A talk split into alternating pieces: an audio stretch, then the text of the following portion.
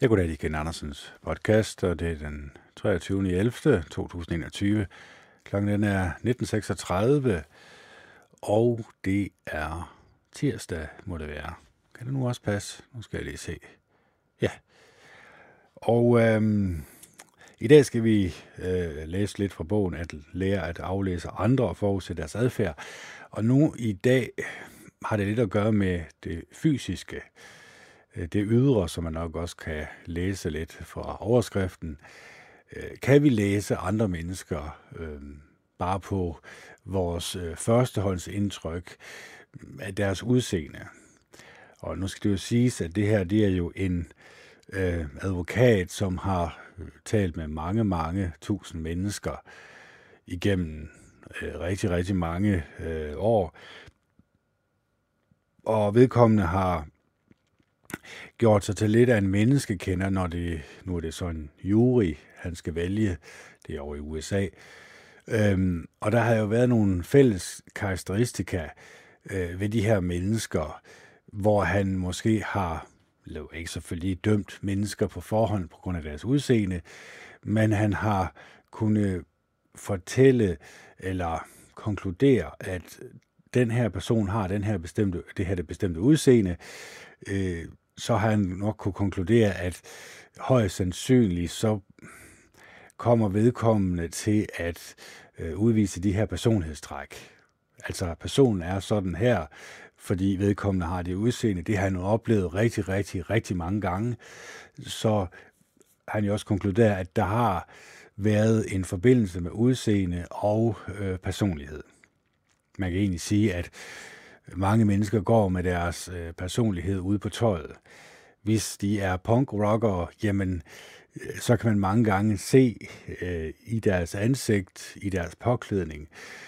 Øh, det kan man også med goth, altså med øh, de her, som klæder sig måske med makeup og sådan så er det tydeligt at se, øh, at de egentlig har øh, gjort deres øh, hobby, eller det de går op i, til en del af deres udseende. Og det er ikke for, at vi skal dømme eller fordømme øh, på nogen måde. Det er nok nærmest, fordi vi kan øh, lære andre mennesker at kende. Det er ikke for at sige, at vi skal øh, på nogen måde øh, sige, at jamen, så er vedkommende uvedkommende for os, eller så er vedkommende ikke øh, en, man gider at tale med. Øh, Snart tværtimod.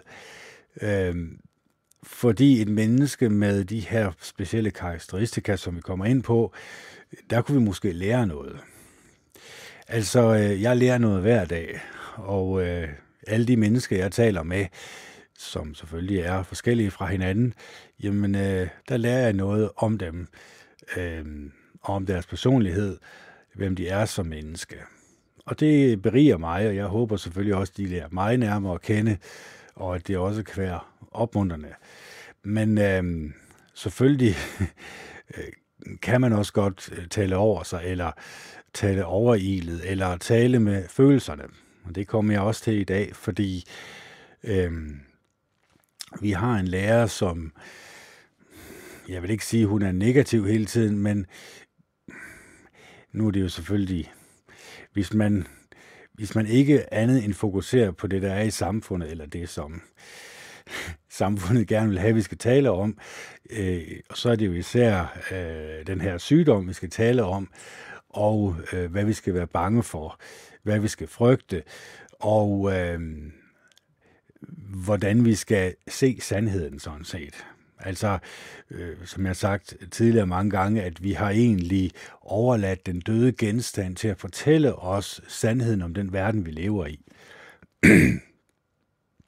Og det er selvfølgelig fint nok, hvis man, man tror på det, men jeg har bare lagt mærke til, at den her øh, lærer har en mani med, at egentlig hele tiden igen fokusere på det negative, især på det her sygdom. Og det skaber en, for mit eget vedkommende, jeg kan kun tale for, for mig selv og mine egne øh, følelser, så skaber det en negativitet indvendigt, når man konstant skal høre om det her sygdom, og om hvordan øh, mennesker, som ikke har gjort noget andet, end at de har øh, besluttet, hvad de selv vil gøre ved deres egen krop, øh, øh skal udskammes og øh, skal fortælles, at de ikke er en del af samfundet længere. Øh, der er nogle ting, som der bliver udelukket, eller de bliver udelukket for, at man øh, skaber et A- og B-hold i samfundet. Og jeg prøvede at øh, sammenligne det en lille smule med det, der skete i Tyskland, hvor at øh, der blev også udsat, øh, jøderne blev også udsat for et had. Øh, de blev også betegnet som sygdomsbefængte. Øh, de gik også rundt med et øh, sygdomskort. Øh, de blev udskammet af samfundet. Altså, øh, flertallet kom til at hade øh, jøderne. Øhm, og for at jeg egentlig gerne vil have, at det skal undgås, at der er mennesker i samfundet, som vi kommer til at have, ja, så prikker jeg selvfølgelig til den, det er klart. Og jeg er også udmærket godt klar over, at det vil skabe øh, modstand i den her øh, lærer, og selvfølgelig også i nogle af eleverne, det er klart. men, men jeg sagde også, at jeg havde beviser for det. Det vil hun ikke høre på, fordi det var bare propaganda. Øh, selvom det er et officielt dokument, underskrevet af militæret og underskrevet af øh, Sundhedsstyrelsen, øh, der egentlig øh, ord for ord beskriver øh, de her lejre under en epidemi, øh, hvor mennesker de kan blive holdt i øh, fangeskab. Det står der direkte i papirerne også, at øh, selvfølgelig skal man sørge for, at de her mennesker i de her lejre ikke øh, kan lov, få lov til at komme ud igen. Der står selvfølgelig også nogle fine ting om, at der er toiletfaciliteter, der er internetforbindelse, der er alle de her gode ting, det er klart. Men, men øh, fordi det ikke bliver diskuteret i samfundet, det betyder ikke, at det her dokument ikke eksisterer. Og, og det her dokument, synes jeg jo, skal frem i lyset, så øh, danskerne egentlig kan se, hvad det er, der egentlig er blevet besluttet bag deres ryg. Fordi hvis man tror på mainstream media, hvis man tror på, at de statsejede medier, som får penge fra staten, så er de jo på en eller anden måde kontrolleret af staten, eller i hvert fald, de plejer ikke at bide den hånd, der fodrer dem, jamen, så kan man jo sige, at, at vi ikke rigtig får de ting at vide, som vi egentlig burde tage op. Øhm, man kan egentlig også godt sige, jamen, hvad, hvad ligheder er der? Det var der også en avisartikel, der, der beskrev, øh, hvad lighed er der egentlig med øh, øh, under nazismen og så i dag og i Danmark. Øh, og der var faktisk ret mange lighedspunkter. Og øh, man kan sige, at det, at man kan sætte noget propaganda ud, som får folk til at blive bange, og som får folk til at tage stilling til det, de gerne vil have, du skal mene, er det egentlig din egen mening så? Eller er det egentlig den døde genstand, du egentlig siger, det er den, der fortæller mig sandheden? Øh, og det er de eksperter, som øh, fortæller mig sandheden, så jeg behøver egentlig ikke, eller jeg overlader egentlig min beslutningstagen til øh, de her eksperter, de her mennesker, som fortæller mig, hvad jeg skal mene, hvad jeg skal føle, og hvilket reaktionsmønstre jeg skal have. Og øh, det har jeg jo talt imod i mange år, men, men, så, men som sagt, jeg er godt klar over, at de mennesker, som bruger 90-98 procent af tiden på at kigge på nyhedsstrømmen, kigge på de her 5-6 emner, vi kan tale om. En af de helt store, det er selvfølgelig Corona. Ja, så er det jo øh, MeToo-bevægelsen, eller, eller hvad man nu kan sige, øh, som har noget at gøre med øh, at dele kønnene op. Det kan også have noget at gøre med at udtale øh, korrekt øh, Øh, han, hun, hen og alt det her. det kan også være klimaforandringer, eller øh, øh, det er jo ikke klima, jo det er klimaforandringer, undskyld, før var det global opvarmning. Øh, hvad emner er der ellers, man kan tale om? Terrorisme, det var der jo også op i tiden, hvor at der kørte en hel masse propaganda, øh, hvor det egentlig var muslimerne, der fik skylden, og så kunne danskerne jo have muslimerne, fordi det er dem, der stod bag øh, terrorismen. I gåse øjne selvfølgelig, fordi det er jeg udmærket godt klar over, at langt de fleste muslimer er nogle pæne og ordentlige medborgere, men det er selvfølgelig mindre tallet, man vælger at fokusere på, og så spreder man, man kan sige, deres propaganda ud til flertallet af den her øh, befolkning. Og øh, det er også det, der er ved at ske nu her, fordi øh, det er lidt sjovt, at statsministerinden, hun siger, at nu skal øh, de mennesker, som ikke har fået vaccinen, de skal udskammes for ikke ret lang tid siden, for et år siden, der blev det sagt lige det modsatte, at selvfølgelig skulle man ikke, og det skulle ikke udelukkes, eller ikke. altså, menneskers mening kan man ændre meget, meget nemt ved bare at skubbe en lille smule til deres frygt. Øh, en lille smule til frygten for ikke at åbne samfundet op igen øh, åbne øh, muligheden for, at mennesker de kan øh, leve i det her samfund. Og så er det jo, at, at vi som mennesker øh, måske tager nogle overilede beslutninger. Øh, Frihedspartiet snakker om, at vi er blevet besat af en, øh, en magt udefra, og det er i bund og grund også rigtigt. Øh, langt de fleste mennesker kan selvfølgelig ikke se det her sammenhæng, eller se den her sammenhæng. Øh, Agenda 21, som blev til Agenda 2030, og øh, Klaus Schwab, som har skrevet den her bog om øh, det, øh, COVID-19, The Great Reset. altså, de her mennesker, som øh, sidder på 99,9 procent af alt øh, rigdom på jorden, øh, også pengene, dem, dem regner vi med og tror på, at de ikke kunne blive kolde og kyniske og, og tænke selviske, eller selvisk og egentlig bruge deres penge, hvor de egentlig kunne få politisk indflydelse. Altså, det er ligesom om, at vi stadigvæk tror, jamen, vi bor jo selvfølgelig i demokrati, så derfor, ja, så derfor hvad? Vi har jo stadigvæk overladt vores frihed til andre mennesker, vi har overladt andre mennesker at bestemme over os. Og så må vi jo så håbe, at de, at de ikke vælger øh, at blive kolde og kyniske mennesker, eller at de er gode og rare og næstekærlige mennesker, som ønsker det bedste for os. At de ikke bliver korrupte, så at sige. Og op igennem verdenshistorien må jeg desværre sige, langt de fleste tilfælde har det vist sig, at politikere har blevet korrupte, eller er blevet korrupte, øh, eller i hvert fald har solgt øh, deres magt ud til nogle kræfter, som ikke vil øh, menneskeheden det bedste, eller civilbefolkningen det bedste.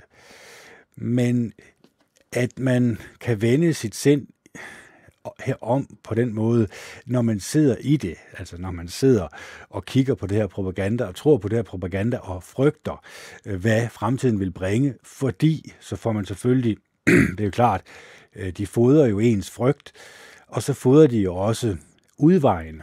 Altså, de giver dig selvfølgelig øh, frygten, men så giver de dig også løsning på frygten. Og løsningen er selvfølgelig, at øh, de her mennesker, som er ikke vaccineret, skal selvfølgelig vaccineres. Øh, Øh, og så tror vi inderst inde, at når de så er vaccineret, ja, så åbner samfundet op, og det hele bliver paradis igen. Google det ej. Selvfølgelig gør det ikke det. Øh, nu har man kan sige, regeringen jo magt over befolkningen. Den magt vil de selvfølgelig ikke sådan lige give slip på. Det er noget, der giver sig selv. Det, det har der ikke været nogen fortilfælde for. Øh, civilbefolkningen har nødt til at blive, at blive kæmpe rigtig hårdt for at få deres friheder tilbage igen. Og det burde heller ikke overraske os. Men, øh, men, men man kan selvfølgelig godt være sådan lidt, jeg vil ikke sige naiv, men man kan selvfølgelig godt være inde i den her lille boble, som fortæller øh, en øh, sandhed. Altså den sandhed, man egentlig tror på, øh, og den får man så gentaget mange, mange, mange tusind gange, nærmest millionervis af gange. Og så er det jo klart, så er det jo meget, meget sværere for en person at indrømme, at det kunne være, at man var blevet løjet for. Det kunne være, at øh, det her det er et øh, kæmpestort bedrag øh, for egentlig at øh, få mennesker over på øh, den her app, øh, det her pas, øh, fordi ikke nok med, at de, dit sundhed, hele dit øh, sundhedsregister kunne ligge her, der kunne jo også ligge en øh, CO2-afgift, sådan at øh, den her app kunne jo egentlig kontrollere, hvor mange penge bruger du, hvad bruger du dem på, og øh, så når du har nået CO2-kvoten, jamen øh, så lukker pengekassen sådan set i. Øh, og det er der heller ikke mange mennesker, der tror på. Fordi de, de tænker, ej, ej, så kold og kynisk er de mennesker selvfølgelig ikke, der har øh, givet os mobiltelefonen, givet os øh, vores tv, givet os øh, nogle nyheds øh, steder, hvor vi får vores nyheder fra. Øh, det har de gjort kvitterfit og fit og gratis, uden at de sidder og kontrollerer det. Øh, altså langt de fleste øh, øh, nyhedsmedier er jo på en eller anden måde ejet af staten, eller i hvert fald øh, staten har øh, pengene i forhaven. Det har det også med Statens Serum Institut, som har fået rigtig mange øh, millioner dollars af Bill Gates og også af andre interesser, øh, og medicinalindustrien selvfølgelig også øh, har købt og betalt øh, mange af de her eksperter, som du hører.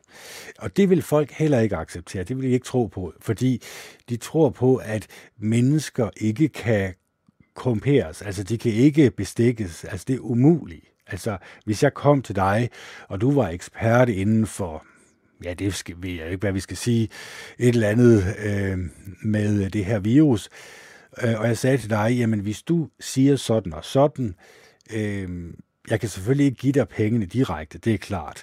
Men jeg kan jo selvfølgelig sørge for, at øh, her er nøglerne til en kæmpe stor villa nede i Spanien, og her er en konto på Maldiverne, så kan du bare bruge løs.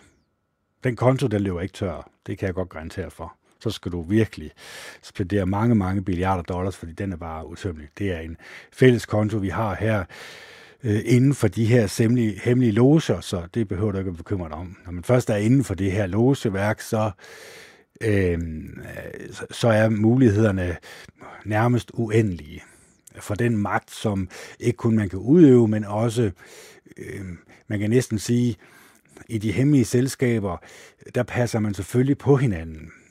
Man sørger selvfølgelig for, at man ikke taler om de her ting, man taler om inden bag de lukkede døre, og så sørger man selvfølgelig også for, øh, at hvis der er noget, der konkurrerer med det, som du gerne vil have frem i samfundet, ja, så bliver det selvfølgelig lukket ned. Men det gør du selvfølgelig hemmeligt. Øh, og det er jo klart, at hvis du ikke vil have øh, vaccineskeptikere, jamen så gør du jo det, at du sørger for at eje Facebook. Det gør Mark Zuckerberg. Ja, siger man selvfølgelig, Google han dig. Det er selvfølgelig nogle af øh, de hemmelige. Altså, det, han er bare en frontfigur, selvfølgelig, det er klart. Øh, det er egentlig Google, der ejer øh, ham, og, og, han, og Google ejer selvfølgelig også Instagram og Twitter og alt det anskrald. Det, det gør, selvfølgelig gør de det. De bestemmer enerådigt over deres platform, det vil sige, øh, hvad bliver promoveret, og hvad bliver undertrykt.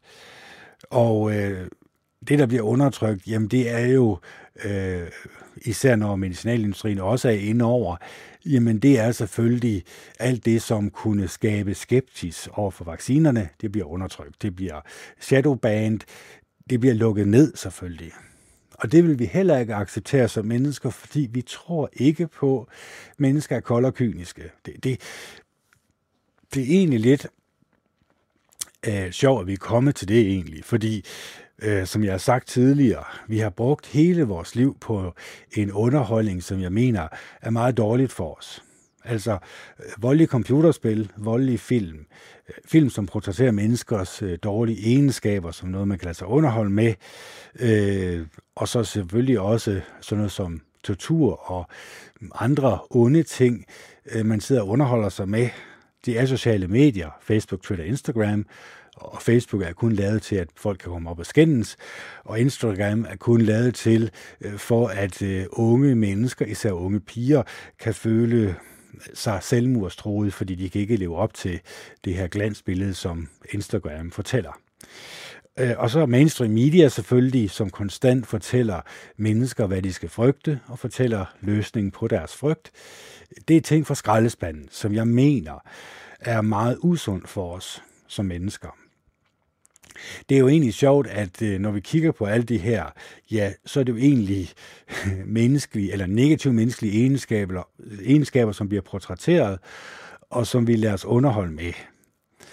Det er mennesker med dårlige egenskaber. Hvorfor skulle det så overraske os, at der også findes mennesker med dårlige egenskaber i samfundet? Dårlige egenskaber, eller måske endda med evnen til at lyve dig direkte op i ansigtet, uden at fortrække en mine. Ja, det, det vil vi helst undgå, fordi, fordi så, så går vores virkelighedsfornemmelse jo bort. Øh, så den her sukkersøde verden, den går jo lidt væk. Øh, og så begynder vi måske at tænke lidt kold og kynisk, og det bryder vi os selvfølgelig ikke om. Øh, Øh, så derfor er det selvfølgelig meget nemmere at afvise mennesker, øh, som taler i den modsatte retning af, hvad øh, staten og hvad øh, øh tv'et og hvad den propaganda, som vi bliver udsat for, gerne vil have, vi skal mene. Det, det er meget, meget mere behageligt. Det kunne jeg også godt mærke, da jeg skulle tale imod den her lærerinde. Hun er en sød og rar, flink lærerinde, altså der er ikke noget der. Men at, øh, at jeg skulle tale imod, kunne jeg godt mærke, gjorde mig lidt oprevet, fordi jeg egentlig synes, jeg kunne egentlig bare holde min mund. Altså jeg kunne egentlig bare lade være med at øh, tale om det, som jeg mener er sandheden. Fordi øh, det er jo klart, jeg har en bestemt virkelighedsopfattelse, og hun har en bestemt virkelighedsopfattelse. Og når de to virkelighedsopfattelser ikke stemmer overens, så er det klart, ja, så kommer der modstand det, det, fra begge parter. Det kan ikke undgås. Men at vi øh, selvfølgelig, jeg accepterer helt og holdent hendes mening, som jeg håber, hun også accepterer min. Øhm, fordi i et åbent samfund, øh, der er det faktisk en fordel, at mennesker har forskellige meninger om tingene. Det er straks, når øh, alle mennesker har den samme mening om tingene, at man måske skal passe lidt på at tænke, øh, er det Nordkorea, jeg lever i, eller er det sådan lidt alle Nordkorea, jeg lever i? Øh, og, og det er også det, som jeg siger med, når øh, samfundet presser en bestemt mening over hovedet på mennesker, at vi måske skal stoppe lidt op og sige, hvorfor presser det egentlig så hårdt på, øh, for at vi skal have den her mening? Fordi man kan sige, jamen, øh, sandheden har jo ingen problemer med at blive udspurgt. Altså, øh, et menneske, som fortæller sandheden, det kan du bare komme an, fordi vedkommende ved 100%, at øh, vedkommende står på sandhedens side. Det er straks værre, når der ikke er nogen fakta, som stemmer overens. når øh, for eksempel, det er jo så bare et eksempel, hvis der er en, der bliver smittet på skolen, så skal vedkommende skynde sig og få taget en test. Hvis den så er øh, negativ, så må vedkommende komme tilbage på skolen. Øh, men så skal vedkommende lade sig, jeg tror det er PCR-test eller hvad det nu er, øh, tre dage senere, eller fire dage, eller hvornår han nu kan komme til, eller hun kan komme til. Og så er det først der, den egentlige øh, test, den egentlig fortæller, om du virkelig har sygdom eller ikke. Øh, og så først der, du egentlig skal øh, øh, lade være med at komme i skole. Men det giver jo ikke nogen mening, fordi i de øh, 3-4 dage, vedkommende stadigvæk er på skolen og har mistanke om det her, jamen så kan han jo smitte alle os andre. Med mindre selvfølgelig, at de gerne vil have så mange, der bliver smittet som overhovedet muligt. Fordi så kan de jo øh, sætte frygt i folk, så kan de fortsat sætte frygt i folk. Og det er jo egentlig den frygt, jeg gerne vil bort fra. Jeg kunne godt tænke mig, at vi kom bort fra den her frygt, men jeg er godt klar over, vi mennesker kan faktisk godt lide at frygte. Det er derfor rigtig mange kvinder elsker de her bøger, som handler om, ja, ham der, Jussi Adler, eller hvad han hedder, og alle de andre. Der er sket et mor, især et børnemor. Altså, man kan godt lide uhyggen, sådan set. Man kan også godt det virker lidt underligt, og jeg kan ikke rigtig forklare, hvorfor. Fordi øh, det burde jo egentlig få os til at føle os frastøtte af det. Altså, jeg bryder mig da ikke om at være nære venner med øh, Peter Lundin, eller øh, Poul Madsen, eller Peter Madsen, nej, ham, ham der ubådsidioten der. Øh, det kan jeg da sige på forhånd. Men hvorfor så egentlig øh, bare lege lidt med tanken ved, at jeg egentlig læser bøger om vold og død og ødelæggelse og tortur, eller ser film om vold, død og ødelæggelse og tortur, når det er egentlig nogle egenskaber, jeg egentlig skulle føle mig frastødt af. Det er lidt underligt. Jeg ved godt, der er ikke mange der, mennesker, der synes, det er underligt, men det synes jeg jo egentlig, det er. Øh, hvis jeg gerne vil, og det håber jeg gerne vil, og fortsætter gerne vil være, jeg vil gerne være et næste kærligt, godt og et rart menneske, fyldt med øh, positive tanker. Jeg kunne godt tænke mig at skabe en god stemning rundt om mig. Jeg kunne godt tænke mig, at øh, andre mennesker øh, føler, at jeg er et godt og et rart menneske. Så derfor er det selvfølgelig også de positive menneskelige egenskaber, jeg ønsker at opdyrke. Det er noget, der giver sig selv. Altså, det at man tænker på andre end sig selv på en positiv og opbyggende øh, måde, det at man ønsker, at andre mennesker skal have det godt og rart, skal være fyldt med livsglæde og lykke, og skal have gode og rare venner, og, øh, og skal komme ud for gode og rare opbyggende oplevelser her i livet, det er jo det, jeg ønsker for andre mennesker, fordi det skaber jo også et samfund fyldt med glade mennesker, og når jeg så kommer ud i samfundet, så smitter den glæde jo af på mig også. Det er egentlig det, jeg ønsker. Jeg er godt klar over, at det kommer ikke til at ske, Kenneth, øh, fordi at mennesker vil jo altid føle sig draget og lokket til øh, hele tiden igen at se i skraldespanden efter det her frygtporner, øh, fordi de godt kan lide at blive frygt, af, af frygte. Og så kommer jeg måske og, og prikker lidt til deres frygt, eller prikker lidt til det, de egentlig mener. Og de har jo egentlig overladt det hele til fjernsynet, til eksperter, øh, til andre mennesker. Fordi det er selvfølgelig nemmere, det er klart. Det er straks sværere for mig at modstå det her. Fordi hvis jeg nu havde engydige beviser for det, som jeg har selvfølgelig, og jeg har også sendt det videre, Øhm, og jeg har også undersøgt, om de, nu, om de personer, som nu har underskrevet, også er virkelige personer eller fiktive personer. Så det her dokument, øh, det er 99,999% sikker på, at det desværre er ægte. At der er en, øhm, øh, Øh, en epidemilov, som er trådt i kraft, som egentlig fortæller, at under en epidemi, så har militæret ret til at komme ud og konfiskere din ejendom, og så tage dig med til de her lejre, som militæret nu har øh, og ved at opbygge. Øh, og der står også, hvilke kaserner de er på, selvfølgelig. Det, det er klart, det har jeg også gennemgået i, i den video, jeg har lavet, øh, hvor jeg egentlig bare med overskriften lejre i Danmark, den kan man selv gennemgå, der kan man selv se papirerne, fordi der har jeg jo øh, vist øh, de her papirer ude i siden så kan man selv konkludere sine egne konklusioner, i stedet for, at man egentlig bare afviser det, fordi det har jo ikke været i fjernsynet endnu, så derfor er det ikke virkelig. Så er det ikke en del af den virkelige verden, sådan set.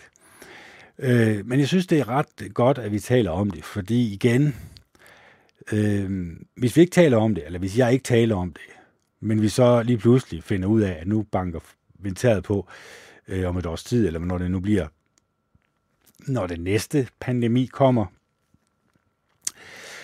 vi, fik, vi blev ikke advaret. Der var ikke nogen, der sagde imod eller noget som helst. Ja, så er der ikke en mulighed for at i hvert fald at få en åben diskussion om det her. Så øh, derfor er det nu, jeg taler om det. Det gjorde jeg også for 7-8 år siden. Jeg talte også om magasiner, men igen, folk de gad selvfølgelig ikke at lytte på det tidspunkt, og nu lytter de jo selv slet ikke til det. Øh, men det er nu lige meget, fordi igen, jeg er kun eller grund til, at jeg kunne lave den her podcast, det er jo egentlig også for, at jeg prøver at opmuntre mig selv, så godt som det nu er mig muligt, i den nuværende situation, som verden ser ud, ifølge mig selvfølgelig. Det er ikke sikkert, at de mener det samme. Det håber jeg selvfølgelig ikke, at, jeg, at I, I har den samme mening som mig. Jeg håber selvfølgelig, at I har en anden mening.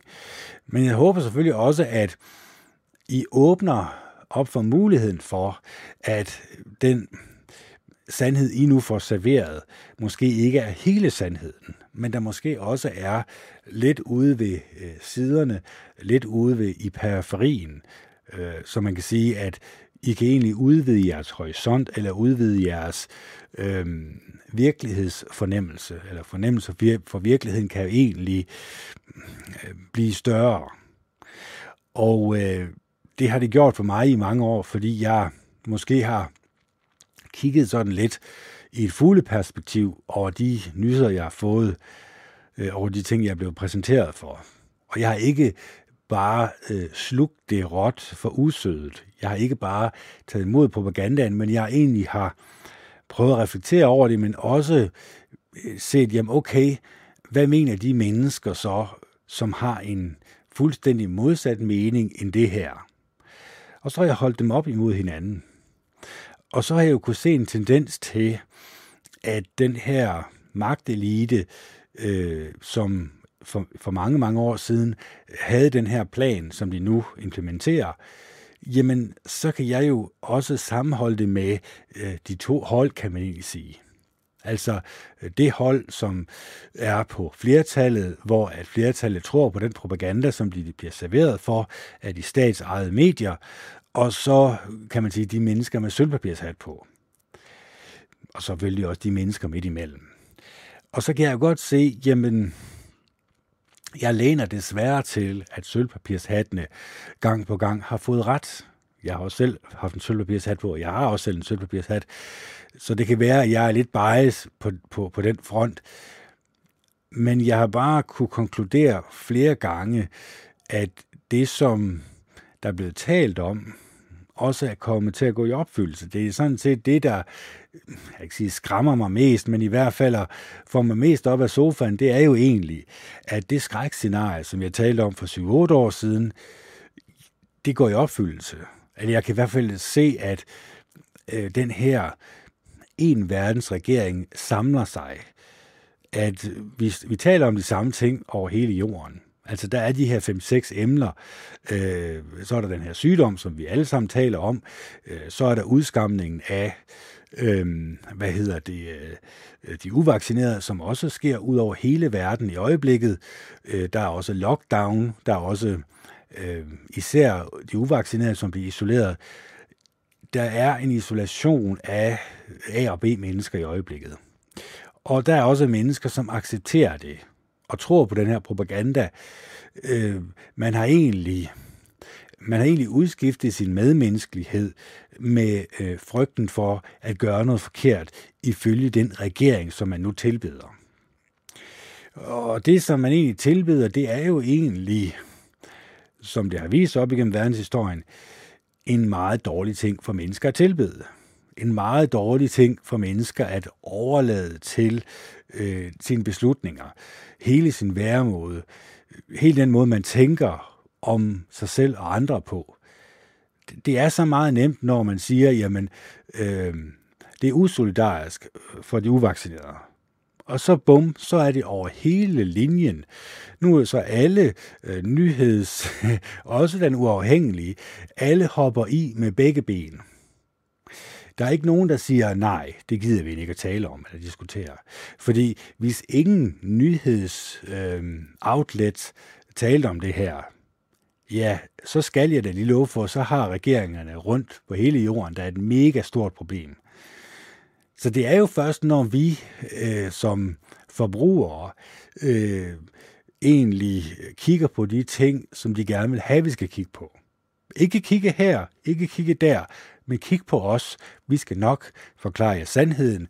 Vi skal nok bare overlade det til os, så skal vi nok fortælle jer, hvad I skal gøre øh, for at komme ud af den her meget, meget, meget farlige situation, hvor rigtig, rigtig mange mennesker, de falder døde om. Man ser det næsten hver dag, altså man kan næsten ikke gå for bare lige ude i verden. Det kunne selvfølgelig godt være, at det er måske øh, de mennesker, som øh, har fået prikket, som måske øh, krasser af i øjeblikket, får hjerteproblemer, får betændelse i hjertet og sådan noget. Men lad det nu ligge, fordi det er ikke noget, vi skal tale om. De 10.000 mennesker, som er døde af øh, vaccinerne, skal vi ikke tale om. Nej, lad være med at kigge på det. Nu koncentrerer vi os om at udskamme den her befolkningsgruppe, fordi det har det vi det bedst med.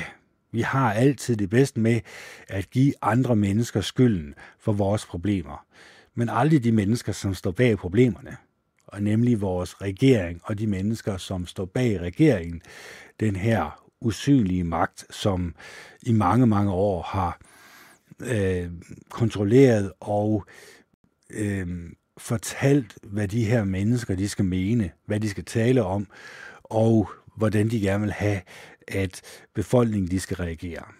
Så vi er under et enormt mind control game, kan man egentlig sige. Og øh, det er jo selvfølgelig klart, det er du ikke klar over, du er under. Det er jeg også udmærket godt klar over. Og jeg kan ikke knipse med mine fingre, og så lige pludselig, så er du ude af det. Det, det, det kan ikke lade sig gøre. Øh, det er op til dig selv jo. Altså, du kan jo begynde at analysere det, du får ind gennem øjnene og ørerne, så spørger dig, hvor mange gange bliver det, jeg hører, gentaget om og om igen, og om og om igen, og om og om igen, og så spørger dig selv, kunne de ikke tale om noget andet? Men nej, det kan de ikke, fordi du, de skal jo have, at du skal have den her bestemte mening om tingene, så derfor bliver de ved med at gentage det igen og igen. Så man kan jo også sige, jamen, hvorfor gentager jeg så ikke, hvad jeg siger? Jo, altså, det gør jeg selvfølgelig også til en vis grad. Men jeg er også udmærket godt klar over, at hvis det ikke er mig, der tænder for min podcast, og egentlig bare taler lige ud af posen, ja, så bliver det godt nok en kedelig podcast. Så er der ikke meget nyt i det jo. Fordi jeg prøver selvfølgelig også at øh, fokusere på det positive, som vi nu også skal til. Og, og det positive, det kunne jo være, at vi øh, som mennesker kunne lære noget af andre. Lære at aflæse andre og forudse deres adfærd af Joe Allan, Dimitrius og Mark Mazzarella. Øh, for det kunne være, at der var noget gavnligt, vi kunne lære af et andet menneske, øh, som har været en menneskekender i mange, mange år, har interviewet mange tusind, nærmest måske over 10.000 mennesker. Det kunne være, at vedkommende kunne lære os noget. Det kunne være, at vi kunne blive bedre mennesker, eller forbedre vores øh, personlighed til det bedre. Det kunne være, at vi som mennesker kunne, ja, det ved jeg ikke, blive mere næstekærlige, og mere venlige, og mere ydmyge og milde. Det kunne være, at vi kunne skabe livsglæde rundt om os. Det var der godt nok et stort ønske, var kendt. Hold da kæft, det kommer ikke til at ske. Nej, det kunne jo godt tænkes, det kom til at ske, hvis vi øh, tager vores egen beslutning tilbage til os selv. Altså, at vi ikke lader andre mennesker beslutte, hvad vi skal mene. Altså, øh, det, er jo, det er jo mange gange øh, det ting, vi bliver udsat for, den lærdom, vi får serveret i skolerne. Det er også derfor, der er rigtig mange mennesker, som øh, tager deres børn ud af skolerne i øjeblikket, fordi de godt kan se, ja, det kommer ikke til at gavne mit barn ret meget at lære den her propaganda, øh, som ikke kun er i Danmark. Det er, jo, det er jo det, der er det vidunderlige, fordi det foregår jo i alle lande i øjeblikket, i alle skolesystemer i øjeblikket. Det er de samme emner, der bliver talt om. Det er de samme øh, store firkantede papkasser, som fortæller, hvad lærerne nu skal tale om. Det bliver dikteret et andet sted fra. Øh, og det er også derfor, at vi kan nu med klimaforandringer, som jeg også kunne tale om i timevis, at, at vi har besluttet, at øh, det er CO2, der er øh, øh, the bad guy. Det vil også sige, at vi skal skrue ned for CO2. Det vil også sige, at vi skal skrue ned for vores forbrug. Det vil også sige, at vi skal skrue ned for vores varme. Vi skal også skrue ned for egentlig det at være et normalt menneske i den her verden. Vi skal skamme os over at være et menneske i den her verden, øh, som godt kan lide at have det godt og rart. Det skal vi skamme os over. Øh, fordi når vi skammer os igen, enten skam eller frygt, det er de to mange gange, de to ting, som de kan øh, prikke til, jamen øh, så føler vi, at hvis vi gør noget, jamen så får vi da pusset vores glorie så får vi da, så bliver vi fri for vores skam og vores følelse af, at øh, vi bliver nødt til at gøre noget, for ellers så går jorden under. Og de her forskere, øh, Øh, som prøver at regne det her enorme regnstykke ud og siger, jamen, Øh, vi kan ikke forbruge, som vi gør i Danmark, til 10-15 jordkloder. Nej, det er selvfølgelig rigtigt nok. Det kan vi ikke. Men nu er det jo sådan, at Danmark er et meget, meget, meget, meget lille land i forhold til Afrika, Indien øh, og alle de, alle de andre meget, meget store lande, hvor vi får 98-99 procent af vores varer produceret. Så så medmindre de ændrer sig, eller gider ændre sig, så kommer vi ikke videre. Så, så, så er det et storm i et glas vand eller et dråbe i havet. Altså, det, det er så uendelig ligegyldigt. Med mindre selvfølgelig, man gerne vil have penge fra folk. Fordi det er jo det, som øh, FN, øh, FN's verdensmål er jo, at cirka 500 milliarder dollars skal flyttes hver år fra de vestlige lande og til de underudviklede lande. Så skal man hjælpe de underudviklede lande til at forurene mindre. Tror I selv på den? Tror I selv på, at den her enorme pengekasse, den bliver brugt til noget gavnligt? Eller tror I, at der er nogle grådige mennesker, øh, som beholder pengekassen for sig selv? Jeg tror desværre på det sidste. Men I kan selvfølgelig godt pushe jeres glorie og tro, at det er selvfølgelig det, det første. At, at mennesker ikke er kolde og kyniske med de her 500 milliarder dollars. Øh, de skal selvfølgelig nok blive fordelt ligeligt, det er klart, fordi staten, når de skal fordele nogle penge, så gør de jo altid ligeligt. Det har vi også set et stjerneeksempel på over i Rusland en overgang. Der gik det jo rigtig, rigtig godt, i hvert fald for magteliten. Det gik ikke så godt for civilbefolkningen, men det snakker vi ikke om, fordi det igen, øh, det var et lige samfund, hvor alle var lige, så det gik jo rigtig godt. Nå, gen, så, gen. Vi skal videre i teksten, fordi ellers bliver jeg ved med at kunne snakke om det her. Og, og, og, og det er jo egentlig, det er jo egentlig det dårlige, jeg taler om. Altså, øh, jeg har jo et, et bestemt menneskesyn på øh, verden og på de regeringer, som egentlig hersker over os. Fordi jeg ved, at det kan vende til det dårlige. Det, det er også lidt sjovt, at jeg synes ikke rigtigt, at jeg kan se regeringer vende det til det bedre. Forstået på den måde, at det bliver et mere harmonisk samfund, vi lever i. Det bliver et mere inkluderende samfund. Det bliver et samfund, hvor vi øh, føler, at vi er med i et fællesskab. Snart tværtimod. Øh, men det kan godt være, at I har en anderledes, anderledes opfattelse. Det må I selvfølgelig selv lægge råd med. Vi skal videre i teksten. Vi, øh, vi skal læse lidt højt her, for det kunne være, at vi kunne lære noget af, af andet end mig, der bare sidder og knæver her om ting, jeg ikke har forstand på. Så Lad os lige finde en frame, der kan bruges til noget. Så tager vi... Skal vi tage den der? Ja, det gør vi. Og så læser vi lige lidt højt her. Lær at aflæse andre. Hvor meget betyder udseende? Det fysiske udseende er blot en af de mange brækker, som du skal bruge for at lægge det puslespil, der udgør karakteren hos et andet menneske – men det er en stor brik, og som tilfældet er med de fleste af dem, skal den ledsages af en advarsel. Tingene er ikke altid, som de ser ud. For eksempel virker det måske naturligt at antage, at den smækfede kvinde, der spangulerer rundt iført en kjole i skrigende farver og en stor hat med påfuglefjer, har en flamboyant personlighed. Hvorfor skulle hun ellers gå rundt i sådan noget i øjenfaldende tøj?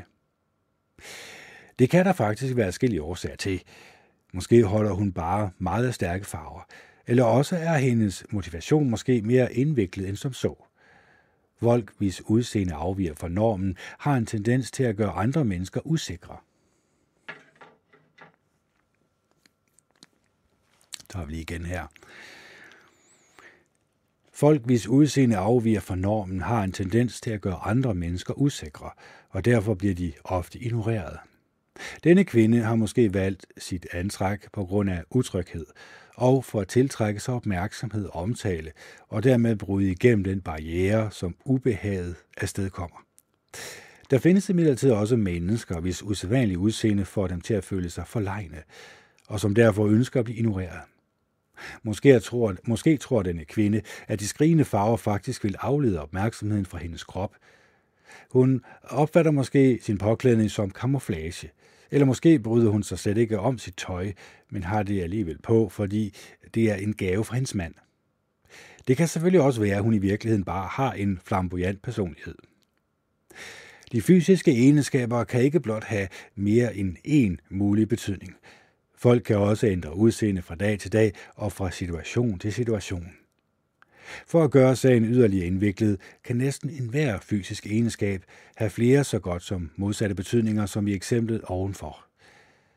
Der findes naturlige tidspunkter, hvor du kan drage en meget nøjagtig konklusion på baggrund af en stærk overensstemmende række af fysiske egenskaber.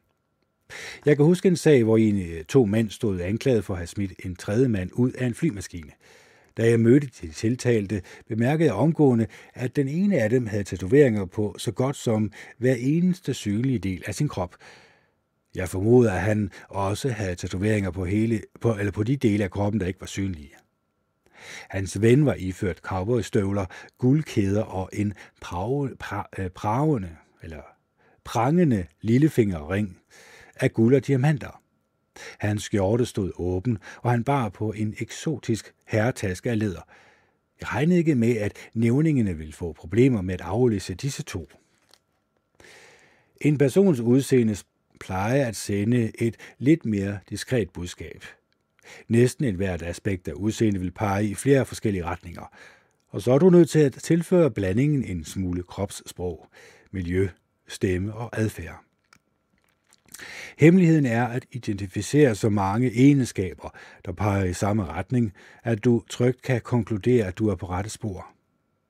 Hvis du er så sikker på pålideligheden i en enkelt egenskab, mm, at du mener, at du ikke behøver at gøre dig ulejlighed med at søge efter et mønster, vil du sædvanligvis skyde helt forbi målet. Jeg har hørt alle de improviserede konklusioner, du kan forestille dig. Hendes 5 cm lange fingernegle gav mig det afgørende vink. Hun er ude på at lokke penge for rige gamle mænd, er hun ikke. En fyr går, eller en fyr, som går med små øh, bikinitrusser på stranden, må være bøsse, ikke sandt? Betyder det ikke, at han er uærlig, hvis han har solbriller på indendørs? En person med skidt under neglene må være en suske Mikkel derhjemme. Når man, er, når man er sjusket, er man så ikke også doven? Nej. Nej, 5 cm lange fingernegle kan også betyde, at personen er oprørsk, anderledes tænkende eller tjekket, afhængig af den gruppe, som hun identificerer sig med, eller at hun har et kunstnerisk islet, eller et behov for opmærksomhed. Eller måske laver hun bare sjov. Mikroskopiske badebukser på en mand kan betyde, at han kommer fra udlandet, sædvanligvis mit første gæt, at han er bodybuilder eller svømmer, har et enormt ego, er exhibitionistisk eller har iført sig de pågældende badebukser for at glæde sin kæreste, selvom de får ham til at føle sig ubehagelig til mode. At en person bærer solbriller indendørs behøver ikke at betyde, at han forsøger at skjule sit flakkende blik. Måske synes han bare, at solbriller er smarte. Måske dækker de over et blåt øje eller andre tegn på vold – Måske er han lysfølsom på grund af et fysisk traume, en nylig overstået øjenundersøgelse eller en form for allergi. Måske skjuler han et par blodskudte øjne eller udvidede pupiller, som kan pege på et alkohol- eller stofmisbrug. Han er måske oprørsk eller ganske enkelt glemsom. Og hvad er der i vejen med en smule skidt under neglene fra tid til anden? Det betyder måske bare, at manden er menneskelig, du vil aldrig få at vide, om det betyder andet, hvis du ikke søger efter spor andet sted. Selvom adskillige fysiske spor synes at pege i den samme retning, kan du risikere at blive vildledt, hvis du ikke skaffer yderligere information. En af mine venner fortalte mig en historie om sin far, der for mange år siden arbejdede for RKO Theaters. Firmaets kontor var beliggende i en suite på toppen af Rockefeller Center i New York – da min vens far en morgen gik gennem receptionen, bemærkede han en forhudlet mand med beskidt og uret hår. Manden var klædt i krøllet tøj og gummisko. Min vens far spekulerede over, hvorfor manden var der, og hvordan han var sluppet forbi sikkerhedsvagterne og ind på RKO's øh, private kontorer. Da han et par minutter senere sad ved sit skrivebord i færd med at gennemgå dagens arbejde, blev han ringet op af sin chef, som bad ham om at indfinde sig på hans kontor med det samme. Da han kom derind, vendte hans chef sig om og slog ud med hånden mod den samme mand, som han havde set i receptionen. Mr. Vexo, sagde han, Jeg vil gerne præsentere dem for firmaets nye ejer, Howard Hughes. Hvert aspekt af en persons udseende kan give os et fingerpræg om hans følelser, anskuelser og værdinormer. Hvis du skulle stoppe op og kategorisere dem, ville listen blive overvældende lang. I Appendix A har vi lavet en fortegnelse over mere end 100 forskellige aspekter af det fysiske udseende. Vi har kategoriseret størstedelen af dem under følgende overskrifter. Fysiske, fysiske karakteristika, altså krop, ansigt, ekstremiter, hud, fysisk uregelmæssigheder, skråstrej handicap, pynte, skråstrej smykker, make-up, udstyr, tøj, kropsmodifikationer, frivillige ændringer af kroppen og hygiejne. Og her har vi kun nævnt de mest almindelige træk. I Appendix A finder du en videre en relevant detaljeret gennemgang af 12 af de mest almindelige fysiske egenskaber eller karakteristika og deres mulige betydning under varierende omstændigheder. De 12 fysiske egenskaber eller karakteristika er øh, hud, hygiejne, raffinement, skrift, logoer og billeder på tøjet. Tatoveringer og andre kropsmodifikationer, smag, egens påvirkning, rendyrket image, flamboyant udseende kontra konservatisme, praktisk anlæg kontra øsselhed, seksuel ansporing, sjuskeri. Som nævnt i begyndelsen af kapitlet vil vi ikke anbefale, at du læser appendikerne, før du er færdig med resten af bogen. Enkeltstående fysiske karakteristika kan ikke tolkes nøjagtigt, uden at vi også tager andre fysiske egenskaber, som for eksempel kropssprog, miljø, stemme og handlinger med i betragtningerne.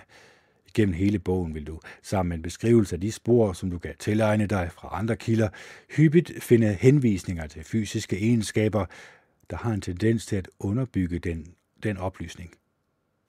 Du skal hælde det hele i gryden og røre rundt, hvis retten skal falde heldigt ud. Som illustration af dette punkt kan du prøve at tænke på nogle af de fingerpeg, som andre menneskers hår giver dig. Vi har valgt håret af to årsager. For det første er det ikke alle, vi møder, som er iført hatte, bælter eller sko, men alle har et eller andet oven på hovedet, som vi kan tage i åsyn, også selvom det bare er hud. For det andet kan man vælge at ændre næsten alle hårets naturlige egenskaber, farven, graden af krøller, ja selv mængden af det, Håret er altså almindeligt anvendt som personligt udtryk. Selvom det er vigtigt at lægge mærke til håret, må du imidlertid ikke antage, at det er mere relevant end andre egenskaber, bare fordi vi fremhæver det her. Håret siger på mange måder det samme om et menneske, som alle mulige andre egenskaber måske gør.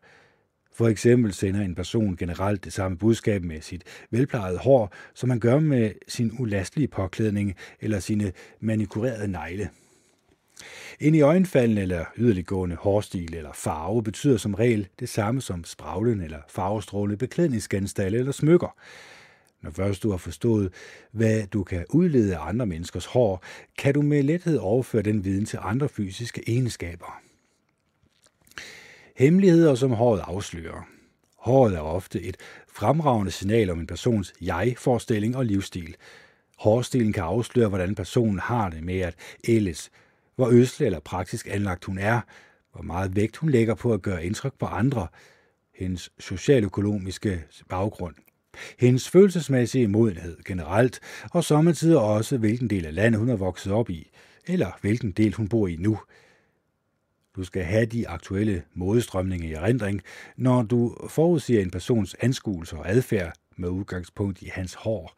Langt hår på en mand sin oprør i 60'erne og 70'erne, i 90'erne har en bundeknold måske lige så langt hår som en rockmusiker i teenagealderen. Du skal også tænke på personens alder.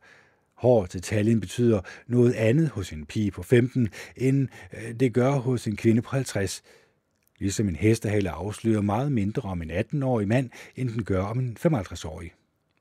Og som tilfældet er med alle andre egenskaber, skal du overveje, hvordan håret passer ind i hele billedet mens hår, langt eller kort. Konventionel lærdom siger, at kort hår indikerer en konservativ tilbøjelighed, mens længere hår indikerer en yderliggående eller kunstnerisk natur. Det er samtidig tilfældet, men ikke altid. Meget kort hår hos en mand er måske tegn på, at Han dyrker sport, er soldat eller har været det på et tidligere tidspunkt, arbejder i en organisation som for eksempel politi eller brandvæsen, der forlanger, at håret er kortklippet. Er tjekket kunstnerisk eller oprørsk, hvis håret er farvet i en usædvanlig farve eller er klippet særlig kort. Er konservativ, er under medicinsk behandling eller er ved at komme sig efter en medicinsk behandling. Tror, at han ser bedre ud med kort hår. Holder sit hår kort af praktiske årsager. De fleste mennesker overser sidste nævnte kategori. Mange mænd har tætklippet hår, fordi det ganske enkelt er bekvemt. Desuden er hårets længde ikke længere nogen pålidelig indikator for politiske synspunkter. Pas godt på, at du ikke drager forhastede slutninger om en persons politiske overbevisning. Det er ikke sikkert, at kort hår er tegn på andet end praktisk sindelag. Ordnet hår. Når en mand gør meget ud af sin frisyr, håret er omhyggeligt klippet, føntørret og sprøjtet med hårlak, er det sædvanligvis en del af et image, eller image, eller et, undskyld, et magtimage, som omfatter dyr tøj, sko og diverse udstyr. Denne pakke, der har til formål at afspejle økonomisk succes, signalerer, at manden er forfængelig og går op i at gøre indtryk på andre. Det er relativt få mænd, som har tid, penge eller lyst til jævnligt at få håret ordnet hos en frisør. I vores kultur er det, er det usædvanligt, at en mand går så højt op i den personlige pleje. Alt andet, alt andet lige, tøj og så videre sko, er manden med det meget behandlede hår med stor sikkerhed mere optaget af status, magt og image, end den mand, hvis hår er pænt klippet, uden at være sat eller sprøjtet med hårlak. Det samme gælder i vid udstrækning end hver anden usædvanlig tendens til pleje, som for eksempel manikureret negle. Manikyrede, ja, det er, hvad vi ved der. Hårtab. Mens håndtering af hårtab kan ofte give dig nogle meget signerende eller sigende oplysninger. Ekstremt hentehår eller tydelig tupé er altid tegn på forfængelighed. Men for mig at se er det mere væsentligt, at det sædvanligvis afslører en dårlig dømmekraft og en uvidenhed om andre menneskers opfattelsesevne. Når jeg får øje på en mand, som omhyggeligt har ret sine få tilbageværende hår fra venstre øre op over isen og ned til højre øre, tænker jeg med det samme, tror han virkelig, at vi ikke lægger mærke til det. Hårtransplantationer og andre former for kirurgisk indgreb kan ligeledes være tegn på forfængelighed eller manglende selvaccept. Mænd får hårtransplantationer i et forsøg på at se yngre og mere tiltrækkende ud. Hvis de mener, at det er tiden, kræfterne og pengene værd, vil jeg ved på, eller vil jeg ved hvad som helst på, at de føler sig utrygge og ubehageligt til mode på grund af tabet af deres hår og den ungdommelighed, som den repræsenterer. Tiltagene kan endvidere pege på en høj indkomst, selvom nogle mennesker spænker og sparer for at kunne få råd til operationen. I sidstnævnte tilfælde er manden måske besat af sit udseende. Basketball, kasketter, hatte og hestehaler på tyndhårede mænd kan også indikere modvilje mod at blive ældre eller at vokse op. Men du må ikke glemme, at mange tyndhårede mænd er nødt til at gå med hat udendørs for at undgå solskoldninger på isen eller for at holde varmen, når det er koldt. Det er noget andet, hvis hatten bliver siddende indendørs, i givet fald har hårtabet måske gjort manden for lejen og utryg. Farvet hår. Det er blevet mere almindeligt, at mænd får deres hår farvet, når det begynder at blive gråt. Hvis det er gjort ordentligt, er det ikke sikkert, at du lægger mærke til det, og derfor vil du heller ikke være i stand til at vurdere, på det, vurdere dem på baggrund af dette træk. Farvet hår er tegn på en vis forfængelighed, men er slet ikke i samme grad som det ordnede hår, det, der virker mest afslørende, er, når farvningen er tjusket udført, eller når farven er uoverensstemmende med mandens alder. Det ser meget mærkeligt ud, når en tyndhåret mand på 75 har kulsort hår. Jeg vil sætte spørgsmålstegn ved hans dømmekraft og hans evne til at foretage en konkret vurdering af andre menneskers opfattelse af ham. Det kræver et vist niveau af selvoptagenhed, undskyld, selvoptagenhed, til lige med en afsporing fra virkeligheden at vælge så åbenlyst unaturlig en stil. Ja, vi går virkelig til makronerne her, må man sige. Og så kommer vi til tolkning af andre fysiske karakteristika. Lad os lige prøve at se. Jamen, vi er jo, vi er jo ikke anden halvvejs. Der er langt vej nu, der. Det kan godt at vi skal trække luft, men jeg skal nu med med det. Mens ansigtshår, fuldskæg og overskæg, Nogle mennesker mener, at ansigtshår generelt peger på en hemmelighedsfuld natur. Det er sjældent tilfældet. At skjule en V-hage med et skæg er ikke udtryk for nogen hemmelighedsfuld natur. Ofte er der ikke tale om andet end et kosmetisk valg. Fuldskæg og overskæg kan indikere, at manden inden, øh, indenunder mener, at han ser bedre ud på den måde. Er ung og forsøger at se ældre ud. Prøver på at skjule signaler ved at anlægge et skæg for at dække rynkerne. Forsøger at skjule en skavank i ansigtet. Har en oprørsk eller kunstnerisk natur. Har et arbejde uden retningslinjer for ansigtshår. Du bør omhyggeligt lægge mærke til skæggets længde, stil og pleje. Lange fuldskæg og overskæg kan indikere en liberal politisk holdning. Ulet eller beskidte skæg kan i lighed med ulet eller beskidt hår være tegn på dogenskab, manglende interesse for udseendet, fysisk eller psykisk sygdom, dårlig vurderingsevne og alle de øvrige egenskaber, som en dårlig hygiejne sædvanligvis afspejler. Øvrige ansigtshår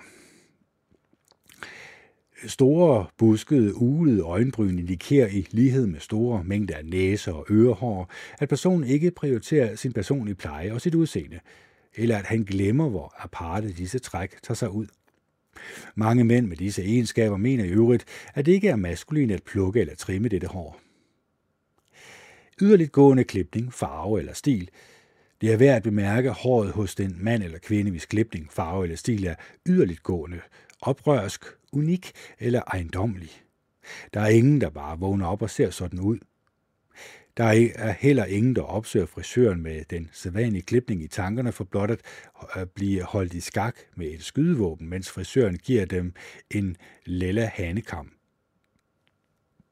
En yderliggående klipning, farve eller stil kan indikere en anderledes tankegang, oprørskhed, en eventyrlysten natur, en udtryksfuld kunstnerisk natur, en utraditionel stilling og livsstil, et ønske om anerkendelse hos en bestemt referencegruppe, et ønske om at være tjekket, en difference i relation til personlig udseende, et behov for at være anderledes og for at få opmærksomhed, kulturel påvirkning, alder, race, social gruppe.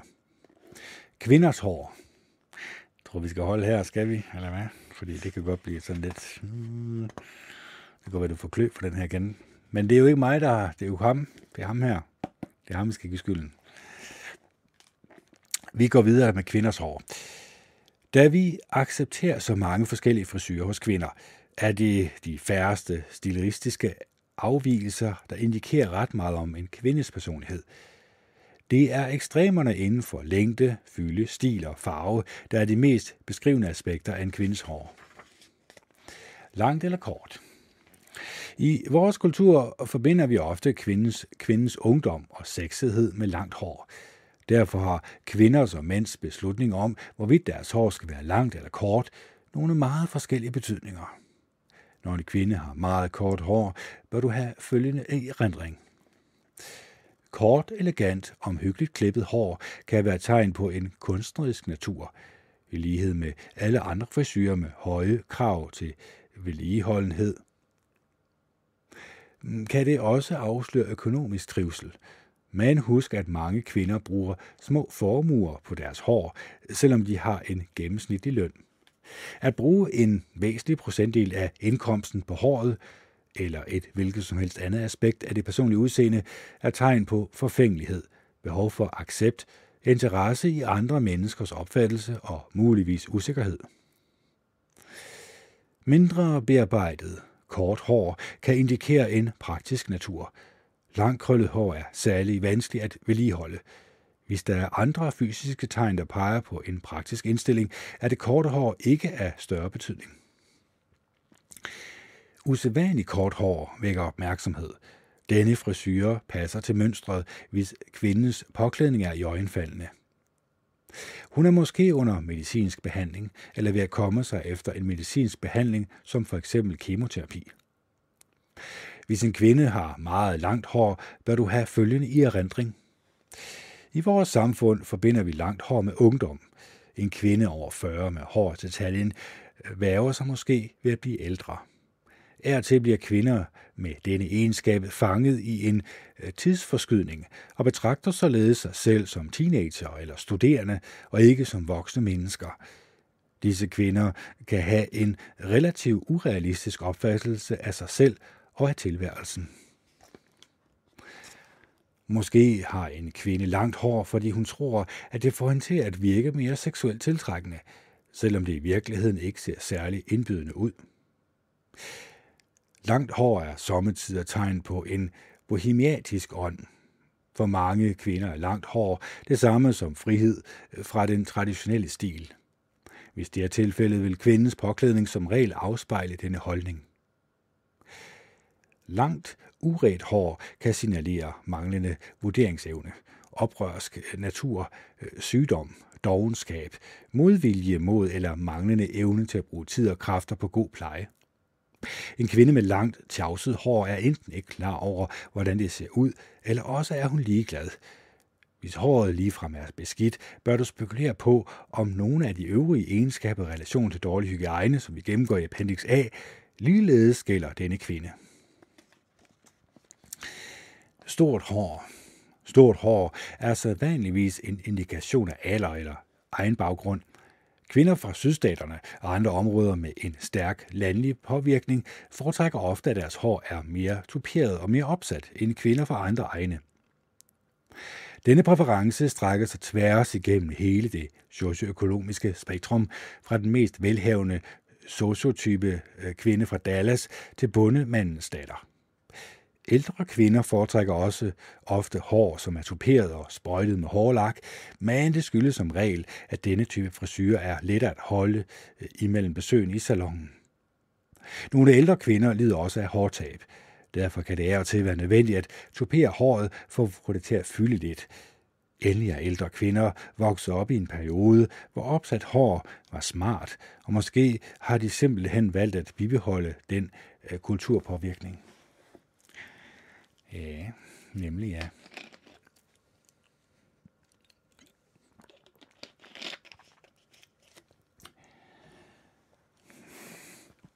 Farve. Mange kvinder farver deres hår. Det er, ikke, er, det er ikke væsentligt, hvis ikke farven er usædvanlig. Men en kvinde, som vælger at lade sit hår blive gråt, sender måske et stærkt budskab. Hun har det mm, sandsynligvis godt med sig selv og sin alder. Hun er ikke afhængig af andre menneskers meninger, men bestemmer selv, hvad der klæder hende. Kvinder, som lader håret blive gråt, gør det måske af praktiske årsager. I hvilket tilfælde deres tøj også vil være praktisk. Nogle kvinder er allergiske over for hårfarve, og således intet valg, så derfor fortæller deres grå hår intet om deres personlighed. Krops- og ansigtshår Ifølge den kulturelle norm i USA skal kvinden barbere sine ben og sine armhuler, plukke sine øjenbryn, hvis de er meget kraftige, og fjerne alt andet hår i ansigtet. I mange andre kulturer har man ikke så stærk en forbi i relation til hår.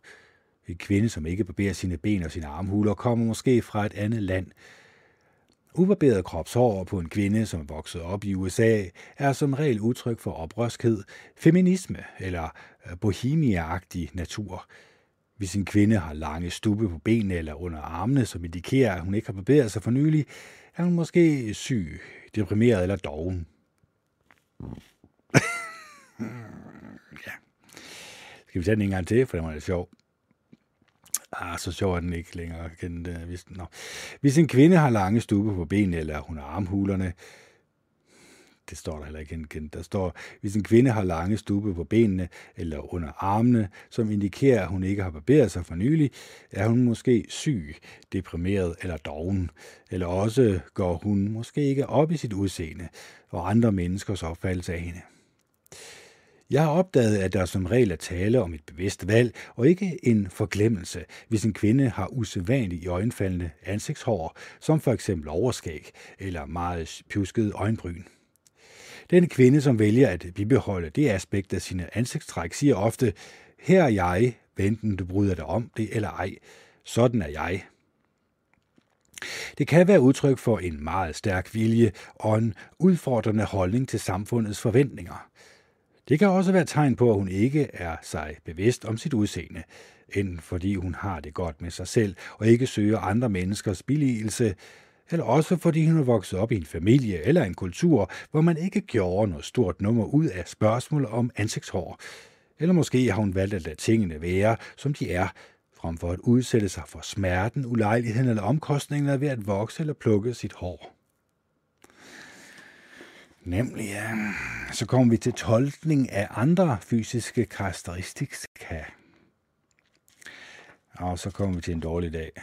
Og så kommer vi til brugervenlig kropssprog og følelsesmæssig gemmeleje. Spændende.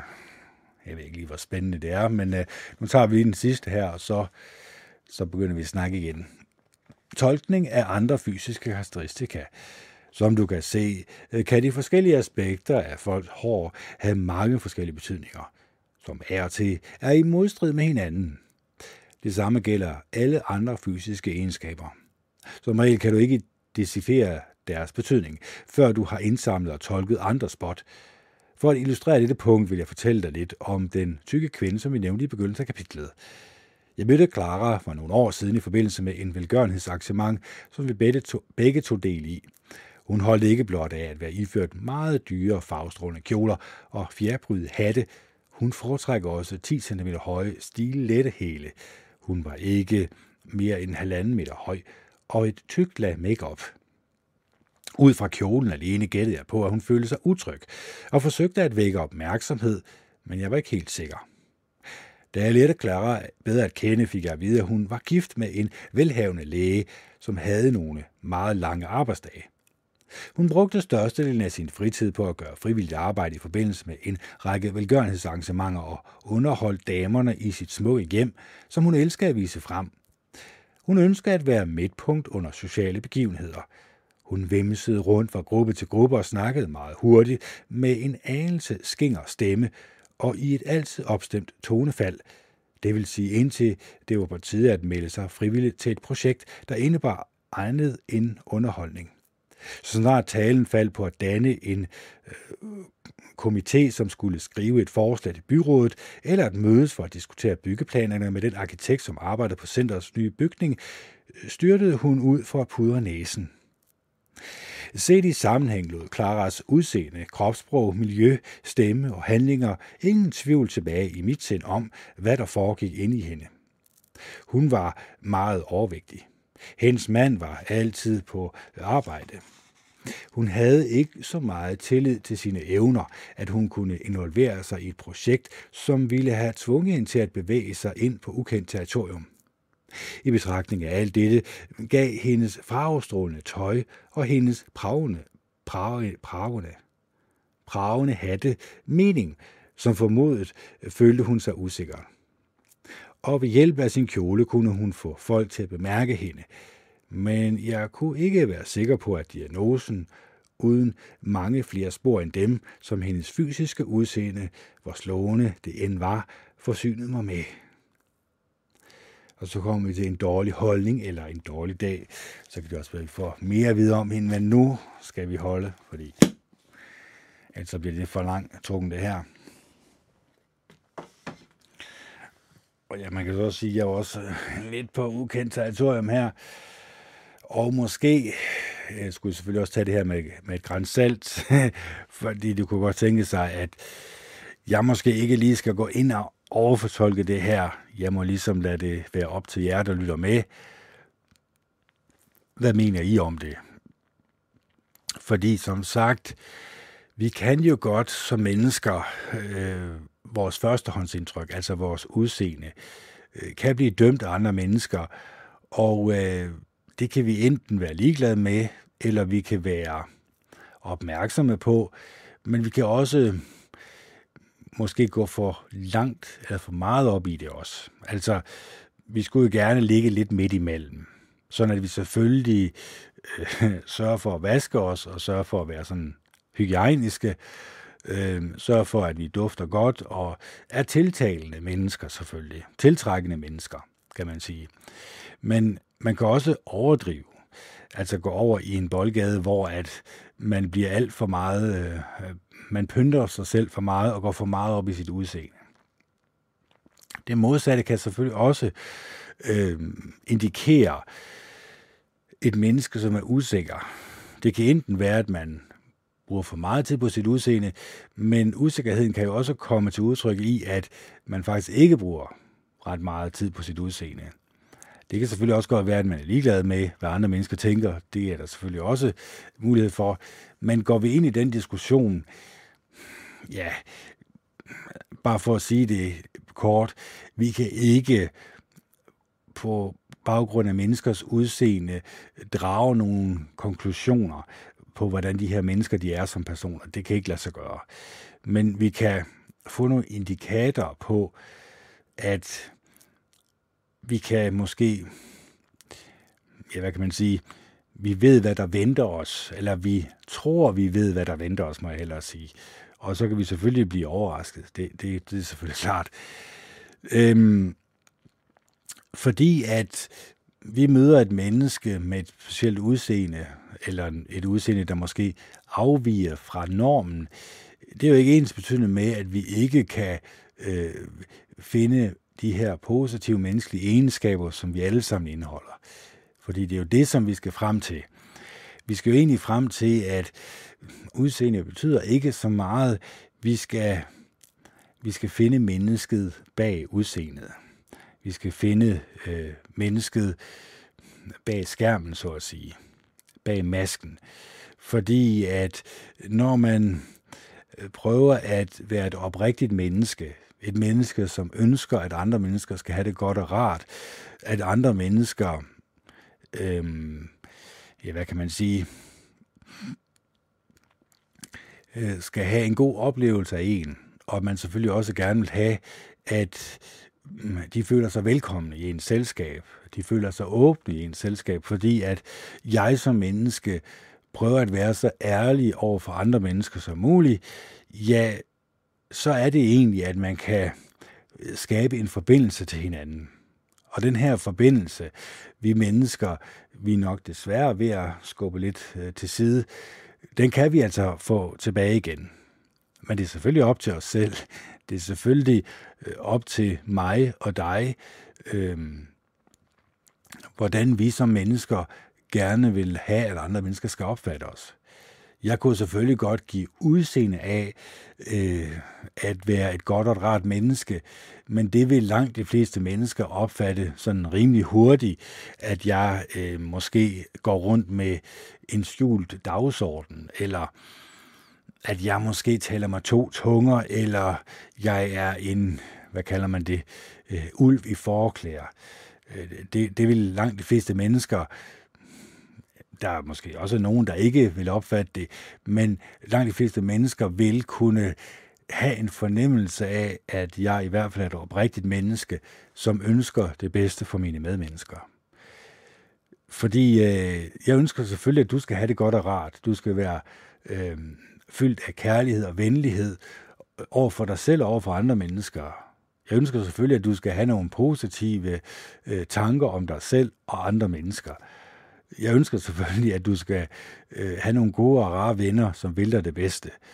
At du øh, i dit liv får nogle gode oplevelser, øh, som du kan bruge til at skabe øh, livsglæde ind i dig selv, og selvfølgelig også kan give udtryk øh, for din livsglæde over for andre mennesker, som så også øh, har en fornemmelse af, at du er et godt menneske, som er rar at være sammen med som øh, giver noget positivitet ind i samtalen. Fordi øh, jeg kunne godt tænke mig at være et positivt menneske, eller i hvert fald arbejde mig hen imod at være et positivt menneske. Men jeg vil selvfølgelig heller ikke gå på kompromis med, hvad jeg mener øh, er det, som jeg opfatter som sandheden. Og den er selvfølgelig individuel, det er klart. Men jeg vil selvfølgelig heller ikke øh, lyve over for jer. Altså jeg vil heller ikke øh, det samme som, eller man kan sige lyve over for jer, men holde øh, det, som jeg mener er sandheden, borte fra jer, fordi så vil jeg jo egentlig være en hyggelig.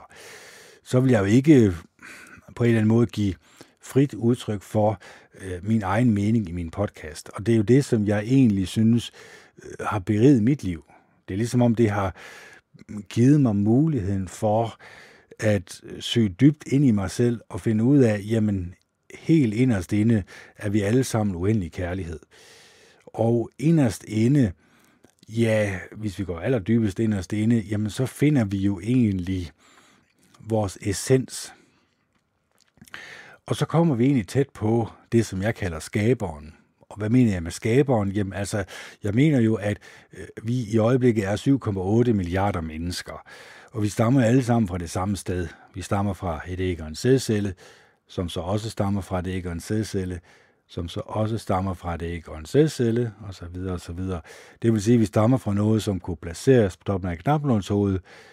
Det kunne du så også placere på toppen af knaplånshovedet. Det er vores far og vores mor. Det kunne du så også placere på toppen af knaplånshovedet. Det er vores bedstefar og bedstemor, og så videre og så videre. Øh, og det ser jeg jo som rimelig intelligent lavet. Derfor er der selvfølgelig også en intelligent skaber bag. Det er ikke kun øh, os, han har skabt. Det er ikke kun naturen, det her vidunderlige natur, vi ser. Det er ikke kun den planet, vi ser rundt på. Det er hele universet, han har skabt. Og hans navn er Jehova Gud den Almægtige. Det er ham, der har skabt os, så han ved selvfølgelig også, hvad der gavner os. Han er kærligheden. Det vil også sige, at hvis jeg siger nej tak til skraldespanden, hvis jeg siger ja tak til egentlig at opdyrke mig selv så godt som det nu er muligt, til at blive et endnu bedre og mere næstekærligt og godt og rart menneske for hver dag, der går, hvis det er det, jeg koncentrerer mig om, jamen så er det også det, som han godkender. Han godkender ikke mennesker, som hele tiden kigger i skraldespanden, og som hele tiden lader sig påvirke af øh, det onde, kan man sige. Så det er det gode, vi skal lade os påvirke af. Det er de positive menneskelige egenskaber, vi skal lade os påvirke af. Det er en fællesskabsfølelse, vi skal lade os påvirke af. Og øh, meditation kommer også ind i det selvfølgelig, øh, når vi mediterer, ja, så får vi jo egentlig øh, styr på vores indre stemme, og den indre stemme kan jo være øh, mange gange oplever, oplever man jo nok en stemme, som øhm, taler dårligt om en selv og andre. Den kan man så skrue ned for. Altså, når man siger nej tak til skraldespanden, når man siger ja tak til at meditere, så får man også en mulighed for at skrue volumen ned, altså lydniveauet ned på den her stemme.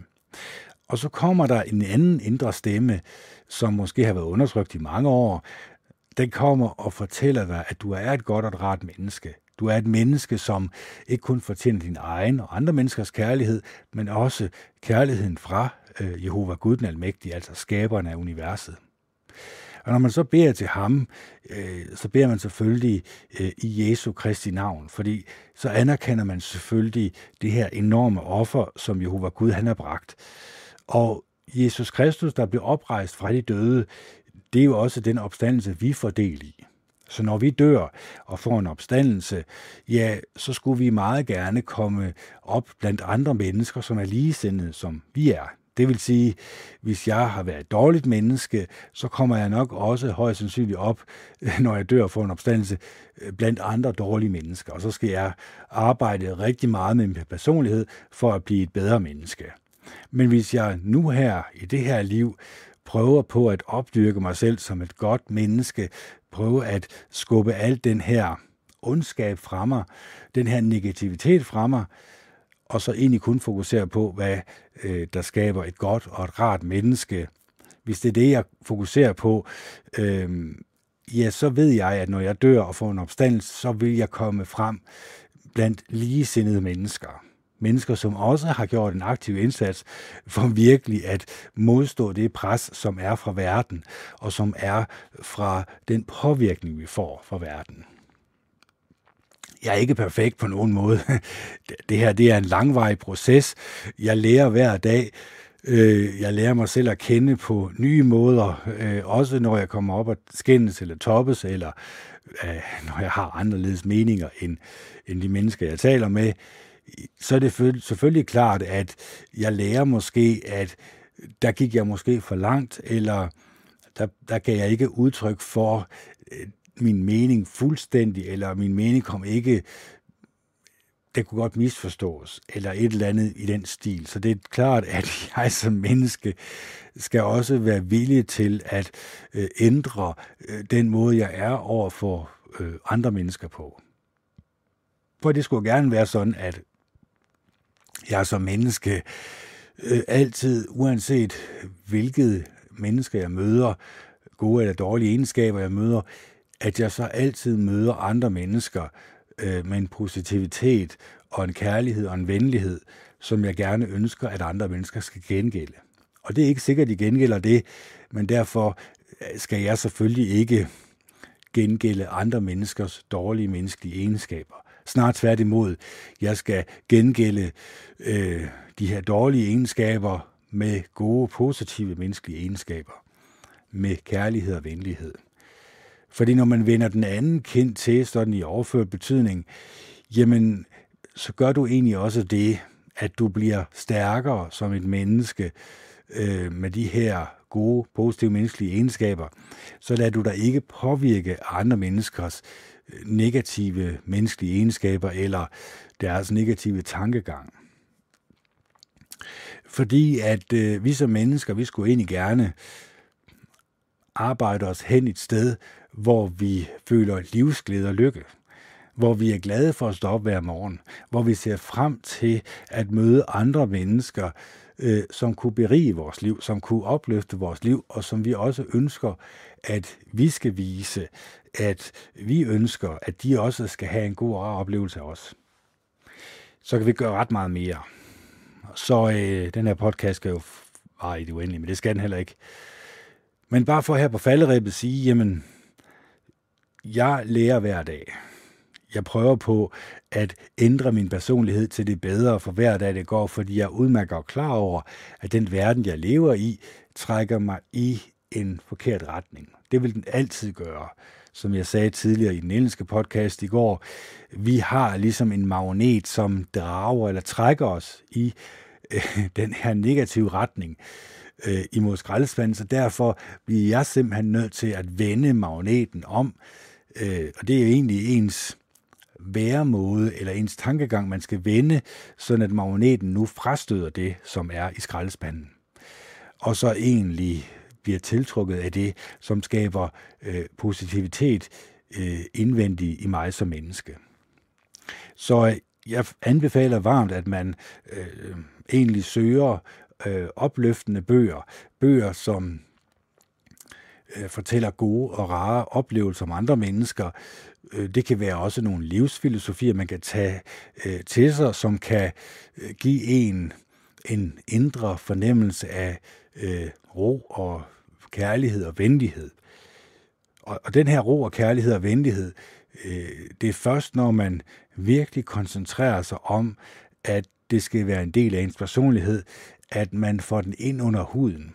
Og det kan man selvfølgelig altid spørge Jehova Gud den Almægtige om om han ikke gerne lige vil hjælpe en med, ved hjælp af sin hellige ånd, øh, til at øh, man bliver præsenteret for bøger eller personer eller mennesker i sit liv, som også kan øh, opbygge og opmuntre en, som også kan hjælpe en med til, at ens personlighed bliver øh, skabt til det bedre, eller formet til det bedre det er, en, det er en ongoing proces, det her.